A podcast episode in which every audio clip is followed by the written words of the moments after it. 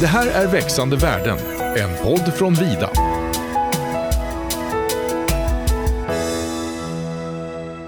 Hej och välkomna till ett nytt avsnitt av Vidas podd Växande värden. Och podden gör vi ju för att du som skogsägare ska kunna öka värdet av din skog.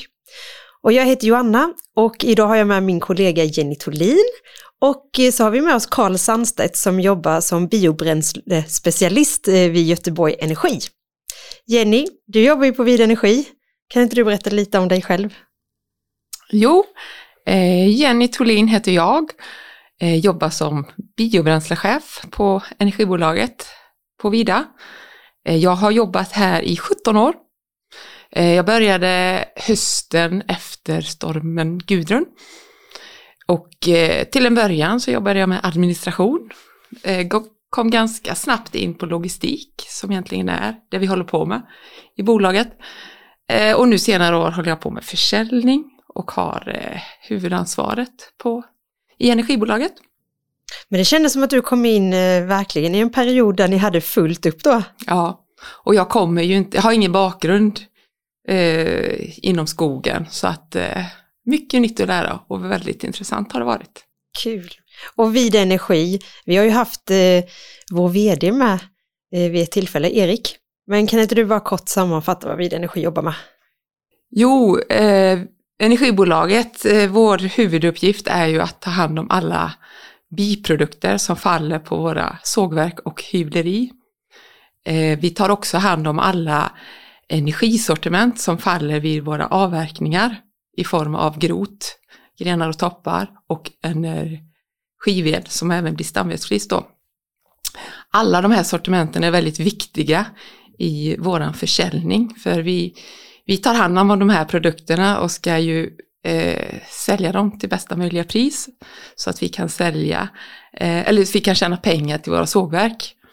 Och eh, vi är en av landets största leverantörer och det som gör oss Eh, Eh, så stora. Det är ju dels att vi har en stor volym men också att vi har kombinationen av fuktiga bränslen och torra bränslen. Så bark och spån som är fuktigt eh, och grovt och stamhällsflis då, det är en väldigt bra eh, kombination, då när vi ska sälja. Vi har ju även pellets i vår portfölj som vi säljer. Men vi gör inte så mycket bulkpellets som är den produkten som mer går till kraftvärmeverk, för det är ju det som är vår största kund kan man säga. Vi jobbar också mycket med kommunala kraftvärmeverk som ligger nära våra anläggningar och det är egentligen av två anledningar. Dels är det att det är korta transporter, vilket vi tycker är bra för miljön, men även eh, ja, vi tror att det ger bättre betalning till sågverken om vi ligger nära våra kunder. Och sen så har vi ju med Karl, hedersgästen här idag får vi nästan säga. Och eh, jag sa ju att du jobbade vid Göteborg Energi som biobränslespecialist. Kan du inte berätta lite mer vad det innebär och lite vem du är? Ja, just det. Jag heter då Karl, eh, jobbar på Göteborg Energi. Eh, om vi börjar med Göteborg Energi är ju ett kommunalt ägt energibolag i Göteborg. Liksom. Vem jag, eller vad jag gör, jag jobbar med biobränslefrågor, alltså det här Jenny producerar och hennes kollegor runt om. Alltså det handlar om inköp, det handlar om att vi har lagom mängd vid rätt tillfälle. Eh, är en del inblandade i nya projekt, vad ska vi göra framåt och hur ska det se ut? Och självklart de sista åren väldigt mycket hållbarhet och policy. Alltså vad, vad är, liksom, är det här acceptabelt? Är det bra? Vi har ju ett EU-regelverk som att förhålla oss till. Och vid sidan av att jobba med det så är jag ju faktiskt lite skogsägare också. Ja, vad kul! Ja. Mm. Är du aktiv i skogen? Alltså aktiv, jag har det på distans, så jag försöker plantera, röja själv och just nu så kan man ju hugga toppbrott och barkborreträd. Det sista är ju inte så uppbyggligt, det är mer, ja nu får det snart vara slut. Mm. Ja, det kan vi ju hålla tummarna för. Och idag ska vi ju prata om el och energi och framförallt ur ett perspektiv kring hur vi kan utnyttja skogens resurser. Och eh, Karin, jag tycker att detta är ett svårt ämne, så jag är ärlig från början. Så skulle inte du kunna bara börja med att förklara hur elmarknaden fungerar, hur den är uppbyggd? Ja, kunde du inte ställa en lättare fråga då så att det är svårt liksom? Nej, men, eh, om vi går ur ett skogsperspektiv så finns det en skillnad mellan skogen. Skogen är ju helt avreglerad, skogsmarknad man säljer till sågverk. Energimarknaden är ju helt politiskt styrd. Alltså hur, hur priser och annat ser ut, ja, det beror på politiska styrmedel och inriktningar. Om, om vi tar det stort så är det två världar som möts här. Eh, elmarknaden är ju också, vad är priset på el just nu? För el är ju inte lagringsbart. Och el är ju då hela tiden marginalprissatt. Vad är det som är dyrast alternativt billigast som produceras just den här timmen som, sätts, som sätter priset? Eh, vi har gått från ett läge där vi har haft liksom en elmarknad i Sverige och det har bara varit Sverige, till att vi då har en sammanbyggd elmarknad idag. Eh, man, om man följer den politiska debatten nu så har vi då eh, överföringskapacitet till Finland, till Baltikum, Tyskland, Polen, Danmark, Norge. Och om man då tittar på norrmän så har de ju också byggt kablar till England och ner i Europa. Och det här innebär ju också att elpriset är inte en svensk fråga, det är inte de här elprisområdena som vi har i Sverige, utan det är ju alltså så stort som elnätet är. Det är en stor marknad och det är en marknad. Men hur mycket el exporterar vi? Alltså det visar, om man följer den debatten här, så på årsbasis så exporterar vi väldigt mycket el. Däremot enskilda timmar och enskilda dygn så importerar vi el. Det här är ju liksom till, alltså återigen, när och hur, det, vilken upplösning ska vi ha? Så, så den där blir ju en jättestor fråga. Mm. Mm. Men hade vi kunnat vara självförsörjande på el? Sannolikt hade vi kunnat ha det. Du sa ju att den stora skillnaden mellan våra branscher, egentligen skogsbranschen och eh, energimarknaden, är det här med regleringen. Är det någon annan stor skillnad du ser? Eh, ja, en annan stor skillnad är ju att det här är ju, alltså, el är ju, om, om, inte, om vi bortser från oss som privatpersoner, så är ju el en börshandlad produkt. Det finns ju en, en, stabil marknad. Däremot om vi går ut och gör affärer till exempel med Vida Energi, det finns ju inte en marknadsplats för den typen av vara. Eller när Jenny går och köper, eller Jennys kollegor köper eh, grot av den enskilda markägaren, eller timmer för den delen också. Så det är ju olika marknadsfunktioner här. Hur sätts elpriserna då? Marginalprissättning, alltså vad är den dyraste produktionen i det här systemet? Det, det blir timpriset. Mm. Vad, vad, är den dyraste producerade timmen? Och sen så är det då begränsningar för vi kan inte exportera hur mycket el som helst till Tyskland om det är högst pris där. Eller vi kan inte importera hur mycket billig vindkraft från Danmark i vissa stunder heller, därför att överföringskapaciteten är begränsad. Hade man behövt bygga ut den kapaciteten? Det finns ju, det kan man tänka sig. Man kan också tänka sig att klippa kablarna som om man följer den politiska debatten just nu. Det, det är ju liksom en, det är fram och baksida av det där myntet. Men du, det kan ju knappast ha undgått någon att vi har haft väldigt höga elpriser i vinter. Jag själv har ju raggsockor på mig hemma nu för tiden. Men varför var elpriserna så höga i december? Det finns många skäl. Det blåste inte är ju ett skäl. Vi har väldigt mycket vindkraft i vårt kraftsystem just nu. Och blåser det inte så blir det ju mindre energi. Det är ju den ena. Vi exporterade väldigt mycket till Tyskland där man hade väldigt höga produktionskostnader, bland annat beroende på att gaspriserna, om man gör väldigt mycket el av naturgas i Tyskland, var väldigt höga. Men man exporterar då trots att vi själva hade behövt elen? Ja, alltså vi hade ju tillräckligt, vi hade ju inte elbrist för det startades ju också elproduktion i Sverige. Så det var ju ingen som, det var ingen som hade svart hemma hos sig. Däremot så kan man säga att vi importerade kanske ett elpris man kan väl säga att eh, elproduktionen är uppbyggd på tre ben, ja. egentligen kan man säga. Det är ju eh, kärnkraft, vattenkraft och vindkraft. Och sen finns det en liten, liten, liten del då. Ungefär 10 procent vi ska prata om idag kanske om vi kommer in på biobränsle och ja, kraftvärme och Precis. sånt här. Mm. Och därav då att det var dyra priser i december var ju för att vindkraften inte hade någon betydande roll i, i själva produktionen eller den var så liten. Och, och som sagt var att vi exporterade mot högre priser. Och Jenny, du så berättade ju om de här tre benen, vatten, kärnkraft och vind och förnyelsebart. Och så sa ni att 10% kom från skogen ungefär. Men är det så uppdelningen kommer se ut i framtiden också, eller hur kommer det förändras? Om vi backar till kraftvärme nu, och där, där jag känner mig lite mer bekväm. Jag har ju kollegor här som är jätte... På kontoret så sitter jag nära, när det inte är pandemi, sådana som handlar el och handlar gas. Liksom. Jag kan titta över axeln och se, ja, vad gör de och vad det eh, Alltså kraftvärme, det är ju när vi gör både el och värme samtidigt. Och om man använder biobränsle. Eh, om vi tänker att vi har en panna så kan ungefär en tredjedel av den energin vi tillför bli el som mest om vi använder grot. Mm. Så det blir ju värme också och det är det som hänger ihop. Ni kan inte göra 100% el av grot? Det går att göra 100% el men då måste du kyla bort en tredjedel av energin. Och det låter som ett slöseri? Det är ett slöseri. Mm. För då behöver man speciella tillstånd och du det måste har ha, inte alla. Nej, man måste ha miljötillstånd och du måste också ha teknisk kapacitet för det. Och det innebär att, att värme och el hänger ihop i Sverige. Så, så gör du el så gör du värme som någon använder. Du pratade om gas. Ja. Var finns den? Alltså, det finns ett gasnät på västsidan av Sverige, ungefär upp till Stenungsund, alltså förbi Göteborg. Det finns en avstickare in till Limmared, till mm. exempel, och Gislaved. Men i övrigt så har vi inget naturgasnät i Sverige. Så från Skåne och upp till Bohuslän.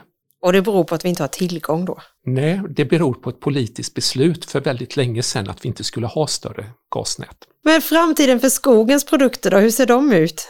Alltså vi kommer ju, skogens produkter är ju otroligt viktigt för det svenska energisystemet, men då blir det lite mer än el. För vi ser ju att uppvärmning idag är ju väldigt stor del skogsbaserad.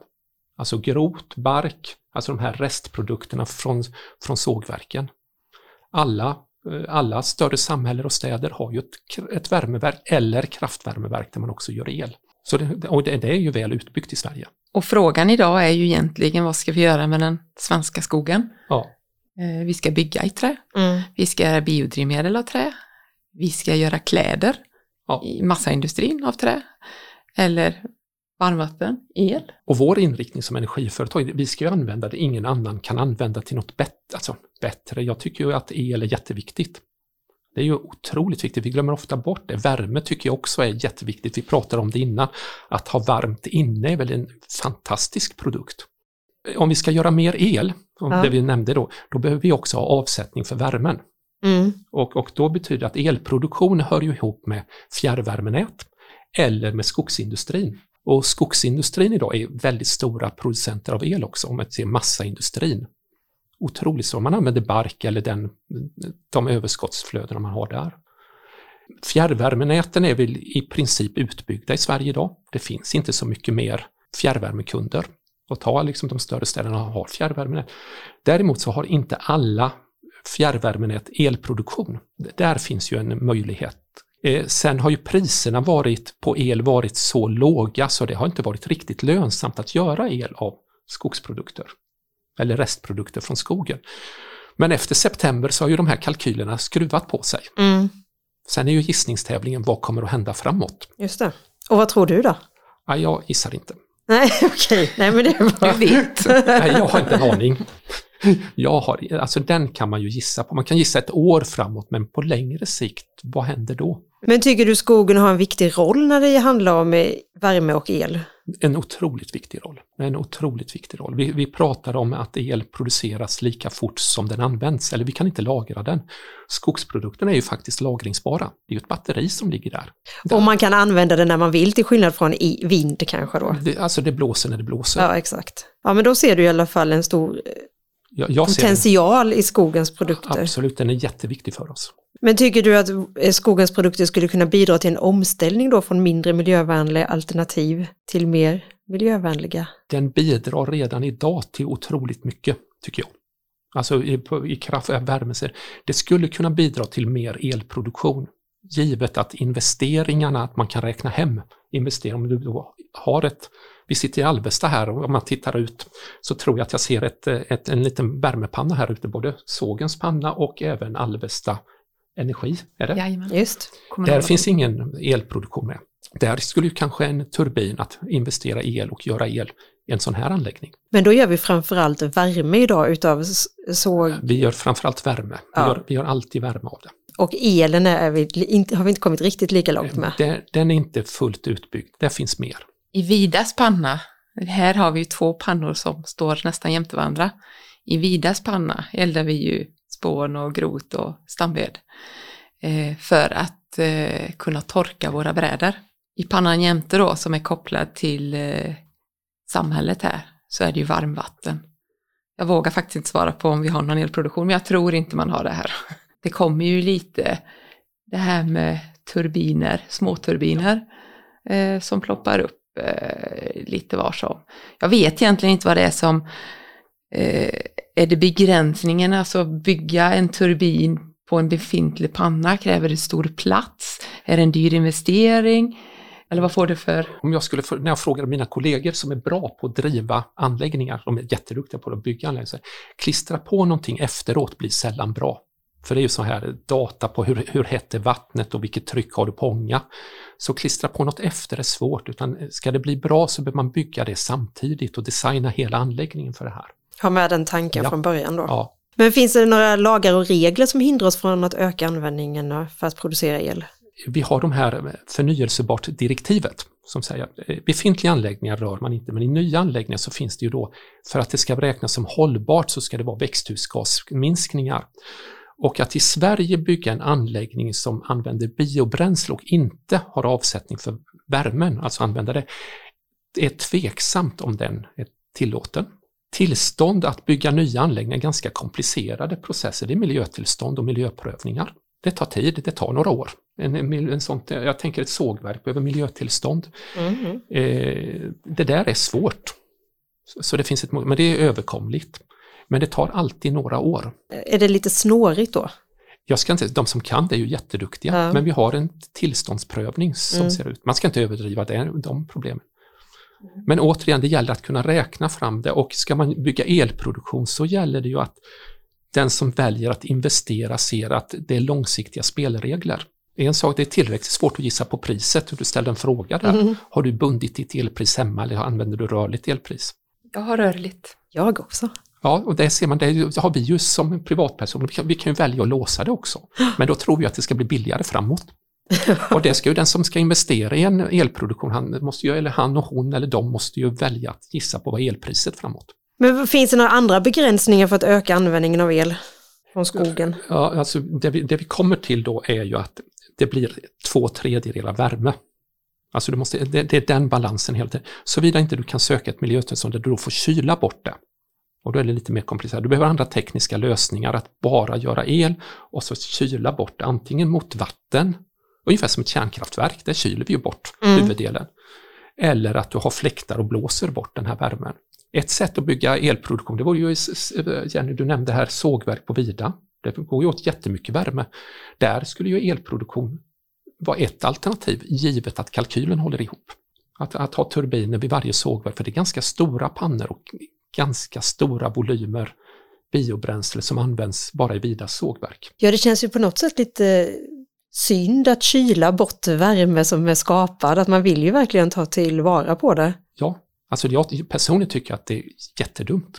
Det är ju slöseri. När vi ändå pratar om kyla, eh, vi som leverantörer tycker ju att det är väldigt svårt att leverera eh, eftersom våra leveranser är ju väldigt stora vintertid när det är kallt ute och väldigt små sommartid. Och då har man under flera år pratat om att man producerar kyla på sommaren. Typ till, eh, tror jag, till eh, varuhus eller kontor eller sånt. Ja. Skulle det kunna vara någonting i framtiden att, eh, att producera el ihopkopplat med att producera kyla? Eller det är inte så enkelt? Nej, producera kyla då med absorptionskyla, det vill säga omvända kylskåp. Vi använder värme, alltså fjärrvärme, för att göra kyla. Det är lite om och men.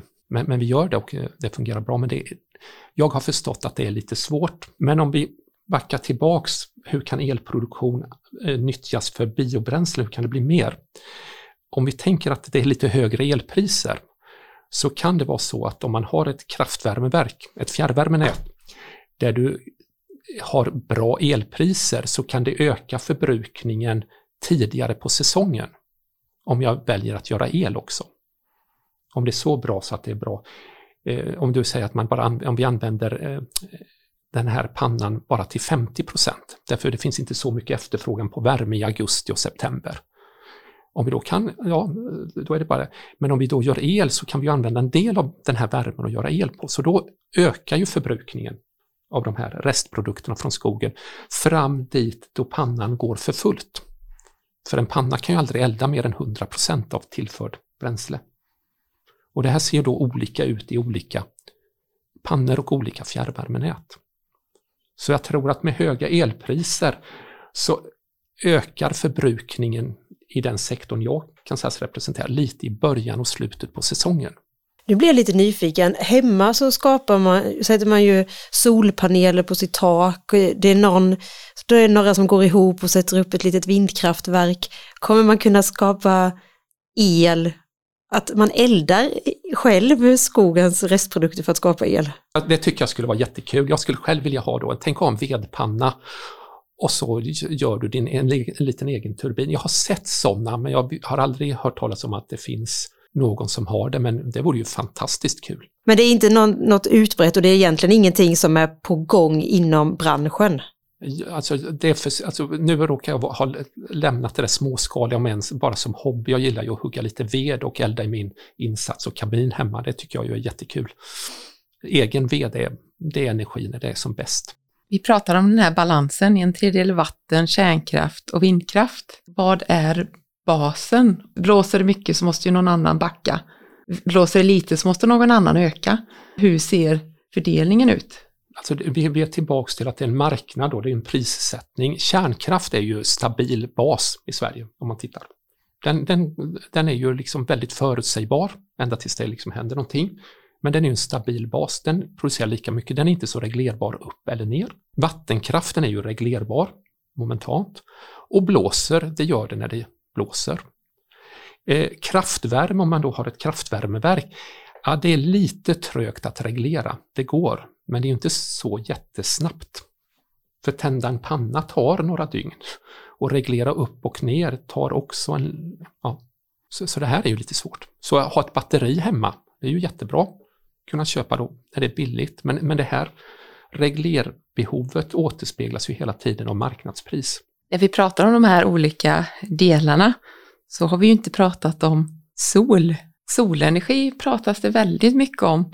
Privatpersoner, om man sätter upp solpaneler, även på företag. Men, men var i den här fördelningen, eller den bara är, är, så liten så att den har inte ens någon procent eller? Hos oss och än så länge, alltså om vi tittar på Sverige som system, så är ju sol väldigt liten. Men det är ju, fördelen är ju att det kan ju jag som privatperson, jag kan ju faktiskt till, tillverka min egen el. Om jag nu inte kan göra det med min vedpanna så kan jag ju sätta upp solpaneler och tillverka min egen bil och kanske ladda min elbil och så här. Det är ju någonting jag kan göra. Och hur ekonomin ser ut i det, det måste, behöver ju var och en räkna på. Men nackdelen med sol är ju, ja men det är mörkt en del av, av dygnet. Och, speciellt och en del av året. Hur? Ja, precis. Ja, nej, men det, vi kan ju som privatpersoner göra olika åtgärder som ja, jag vill bidra med något. Men du tror inte att det är någon så länge framtids... Eh, man ser ju mycket företag som sätter upp det, man ser ja, men stora... Det är beroende på hur ser din elförbrukning ut. Men det är bara för eget bruk? Du tror inte att den kommer komma in i energimarknaden? Nej, men om man tittar, det finns ju, du kan ju idag göra, vi ser mycket tak på lantbruks, alltså ekonomibyggnader, där är ju export eller försäljning periodvis. Alltså du sätter upp så mycket solpaneler så att du säljer. Eller du säljer del av året och så köper du tillbaks annan del. Så, så det, men, det, men det är ju en kalkyl för var och en att räkna på. Du, vi pratade alltså just det här med skogen och el och värme. Men vad är risken att förlita sig på skogens resurser när vi skapar el och värme? För jag tänker med vind då är det att det ska blåsa eller inte blåsa och solen ska lysa eller inte lysa. Alltså den, den, största risken, om, om, vad är det som är, skapar tillgång på biprodukter eller restprodukter från skogen? Ja men det är ju sågkonjunkturen. Hur bra går det för sågverken? Hur hårt sågar Vida sågverk eller Södras sågverk eller At? Alltså vem? Mm. Det är ju det som driver hela Ja, hur mycket spån blir det? Hur mycket grot blir det? Hur mycket bark blir det? Det är ju det som är motorn i det hela. Men är inte den hyfsat eh, stabil den tillgången eller vad säger du Jenny? Jo, det är det ju, men frågan är ju vart våra produkter ska gå. Ja. Eh, vi kan ju bara ta en sån produkt som sågspån. Eh, vi säljer väl idag kanske 60 till pelletstillverkare. 10% till spånskiva och resten för eldning. Eh, något som man pratar mycket om idag är ju biodrivmedel. Och plockar vi bort eh, spånen ur pelletsmarknaden och eldningsmarknaden och gör biodrivmedel, då blir det ju ett tapp i, eh, i energimarknaden. Då måste ja. vi ju ta fram något annat. Och det, det, finns ju mer i skogen att plocka ut för energiändamål, men det måste också finnas en mottagare. Groten till exempel finns ju mycket mer att plocka ur. Det, det, det, är ju efterfrågan som styr det hela tiden. Men eftersom vi hela tiden ska använda skogens produkter till fler saker så måste vi också kanske hitta nya till energimarknaden. Mm. Men kritiker kan ju säga att vi inte ska elda upp eh, skogens eh, produkter. Vad säger ni om det? Alltså jag skulle uttrycka att kritiker säger att vi inte ska elda upp skogens produkter. Det är en realitet idag. Det är ett, ja, det finns en gruppering eller det finns människor som eh, tycker att vi ska inte göra det. Och hur bemöter du det? Det där går ju att tänka lite olika. Alltså, jag tänker så här, de flesta människor är ju väldigt kloka och de har eh, väldigt goda argument för det, utan då gäller det att ta en dialog och faktiskt förstå vad är deras argument mot det? Och hur kan man bemöta det? Eh, min bild är att det inte framförallt att man vill komma åt att vi eldar upp, för det vi eldar upp är restprodukterna liksom det som blir över från tim, utan man vill komma åt svenskt skogsbruk. Man vill att alla träd ska stå kvar. Och det är ju på ett, många avseenden en klok tanke, givet att vi inte vill ha några hus att bo i och vi vill inte ha något toalettpapper och vi vill inte bruka vår skog. Ja, spännande tänker jag. Jenny, hur tänker du kring kritiken kring att inte elda upp skogens produkter? Nej, men det är ju samma sak som frågan med avverkning. Vi ska minska vår avverkning. Gör vi det i tillräckligt många år så har ju Sverige vuxit igen. Så att eh, vi tänker väldigt kortsiktigt i den här frågan. Eh, det viktigaste, nu känner att vi är inne på ett svårt ämne här, men eh, det är ju motståndarna till skogen som är väldigt starka. Så vi som sitter på kunskapen om hur viktigt det är att att bruka vår skog. Vi måste också göra vår röst hörd. Och det gör vi väl nu också. Sen jobbar vi ju mot Bryssel, alltså Europa.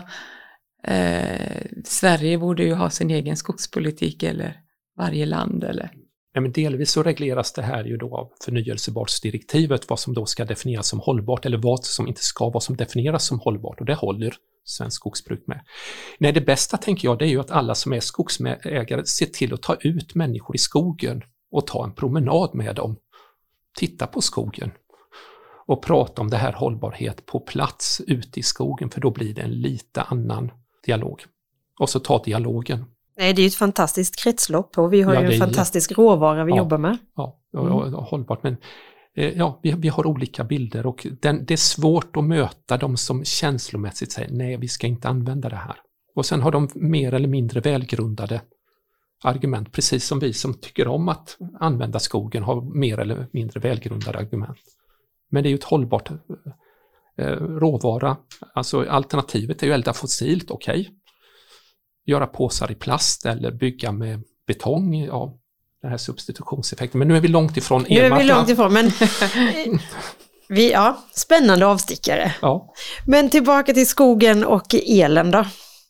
Vad, vad är den viktigaste synpunkten att lyfta fram? Den viktigaste är att skogs, restprodukter från skogen är otroligt viktiga för det svenska energisystemet. Eh, idag använder vi, gör vi inte så mycket el och det beror på att eh, alltså, marknadspriserna har inte varit motiverande för att bygga elproduktion alltid. Eh, vi kanske är i ett annat läge framåt nu. Eh, Jenny var inne på det här att en del av restprodukterna kommer att användas till annat, eh, till exempel pelletsmarknaden som inte närmare nämner nu har ju blivit en spännande marknad. Den har följt med elpriset beroende på att ute i Europa är efterfrågan på pellets väldigt hög. Så grot kom, är och kommer att vara en väldigt viktig del i energisystemet. Och grot är också ett väldigt bra material att elda rent, eh, rent förbränningstekniskt. Och inte bara grot då, utan även bark, Ja, bark självklart. spån, torrflis, Ja. allting som även faller på Ja. sågverken. Då. Och vad säger skogsägarna? Vad vill de göra med groten? Vad vill de göra med de här biprodukterna? Om jag tänker så här, nu tar jag på mig min skogsägarhatt så, så tänker jag så här, ja, men jag vill ju sälja timmer. Det tycker jag är bra, det är ju liksom det som på något sätt är. Och då hoppas jag ju innerligt att sågverken har avsättning för bark och spån och flis, för annars så stannar ju det här systemet. Det är, det är ju den ena delen. Och sen på vissa avverkningar, inte alla, nu gör jag inte avverkningar så ofta, vill jag ju faktiskt ta bort min grot. Jag tycker att det är en viktig del i energisystemet med tanke på vad jag gör. Jag tycker också att det, ja, det blir lite lättare. Så då vill jag faktiskt sälja grot. Och på en del ställen är det alltså för litet och för svårt och för sankt. Nej, där får det spridas ut och köras på. Men det var min skogsägare. Ja. Och om du tar på dig din professionella hatt då? Ja, men då vill jag ju ha, Jenny hon skulle sälja dyrt förut, jag vill ju köpa billigt. Det, det skiljer oss åt lite Ja. här. hon skulle sälja dyrt. Eh, nej, men vi kommer att behöva det här restprodukterna från svensk skogsbruk. För att alltså, kunna jobba hållbart. Alltså än mer ersätta fossilt. Eller säkerställa att vi fortsätter ersätta fo- fossilt och kanske producerar mer el. Jenny, hur tänker du? Nej, men det var lite det här vi pratade om, eh, vad som är basen i en eh, elproduktion. Lite likadant är det ju i, på värmeverkssidan. Bark och spån är ju basen. Och sen är det väl mer grot och energived, pellet som får ta de här topparna. Och det är väl därför det ofta blir diskussion med uttag på groten för att det man ska veta det är ju att vi har ju en ledtid på groten. Bark och spån, det kör vi undan så fort det faller från sågverket. Men groten plockar vi ju ut det- när den har legat över en sommar, för det är det som behövs för att den ska bli eh, leveransgiltig. Men sen så är det ju då, blir det en varm vinter, kall vinter, gör man mycket el, det gör ju att vi inte riktigt vet, det är inte samma flöde på groten. Och det är väl här som det kan bli lite diskussioner ibland när vi plockar ur groten, när vi kommer, när vi hämtar den ur skogen. Markägare kan bli irriterade. Sen ofta så vill ju markägaren plocka ut den för att sprider man den så kommer man till en tidpunkt då man ska plantera. Och då brukar det vara ganska besvärligt att eh, plantera bland eh, grenar som ligger ute i skogen. Men det är också en prisfråga. Eh, antingen plockar man ut den för att få ut den eh, och så ger det kanske inget, inget betalt till markägaren men du får en bra, lättare eh, Terräng. terräng Mm. att jobba i. Mm. Och som markägare tror jag ändå att man tänker att det är bättre att få ut sitt timmer, massaved. Den där groten är så en liten del i själva affären men är ju ack så viktig för kommande skog som ska växa upp då. Men vi, för oss är ju groten viktig i vårt, eh, vårt försäljningsarbete, att vi har alla produkter. Sen är ju det svåra för oss att veta hur mycket går åt om ett, ett och ett halvt år. Blev det en kall vinter, varm vinter? Och det där hur mycket som går åt återspelas ju väldigt mycket, alltså i början av eldningssäsongen, alltså september, oktober och mars, april, det är ju då som kan vara mer eller mindre kallt. För, för våran del som leverantör så vill vi ju ha så jämnt eh, flöde som, som möjligt. Eh, Men vi, vi har ju hög, vi, vi levererar för fullt ifrån kanske oktober till mars och sen kanske noll sommartid. Så det är ju det som gör det svårt för oss. Mm. Och det var det du sa att ni, vi var ett logistikföretag Ja, och det är ju det du syftar på egentligen. ja. Mm. Och likadant på biprodukterna, vi har 12 sågverk och vi ska flytta så kort som möjligt. Vi ska hitta kunder närliggande. Men sen ska vi då leverera när det är kallt, stå still när det är varmt. Alltså det, det är en logistikprövning. låter det som. Hörni, några avslutande ord. Vad tror ni eh, skogsägaren som lyssnar nu vill höra er säga? Ja, men jag märkte när vi har suttit här, så alltså svårigheten att koppla eh, de här, om, om vi tittar grot, koppla ihop det med elmarknad. Den kopplingen finns inte riktigt. Ja, de här produkterna används, kan användas för elproduktion, men marknaden för eh, skogs, eh, biprodukter eller restprodukter från skogen och elmarknaden är inte kopplade ett mot ett. Det, det är väl en sån, sån tanke som slår mig just nu. Och eh, de här eh, biprodukterna eller restprodukterna från skogen är otroligt viktiga för, för den här hållbarhet. Ja, och frågan om man ska plocka ut sin grot eller inte. Eh, jag tycker att man ska veta att att plocka ut groten är viktigt för att vi ska kunna få avsättning för vår bark och spån. För det finns inga värmeverk som bara kan elda bark och spån. Så groten är lika viktig vid en försäljning eller av sin skog då, att man tänker så. Tack snälla för att ni tog er hit idag, en, hela vägen till Alvesta.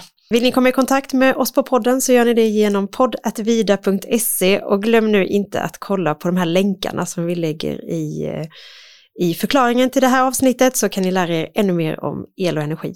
Tack för idag! Det här är Växande värden, en podd från Vida.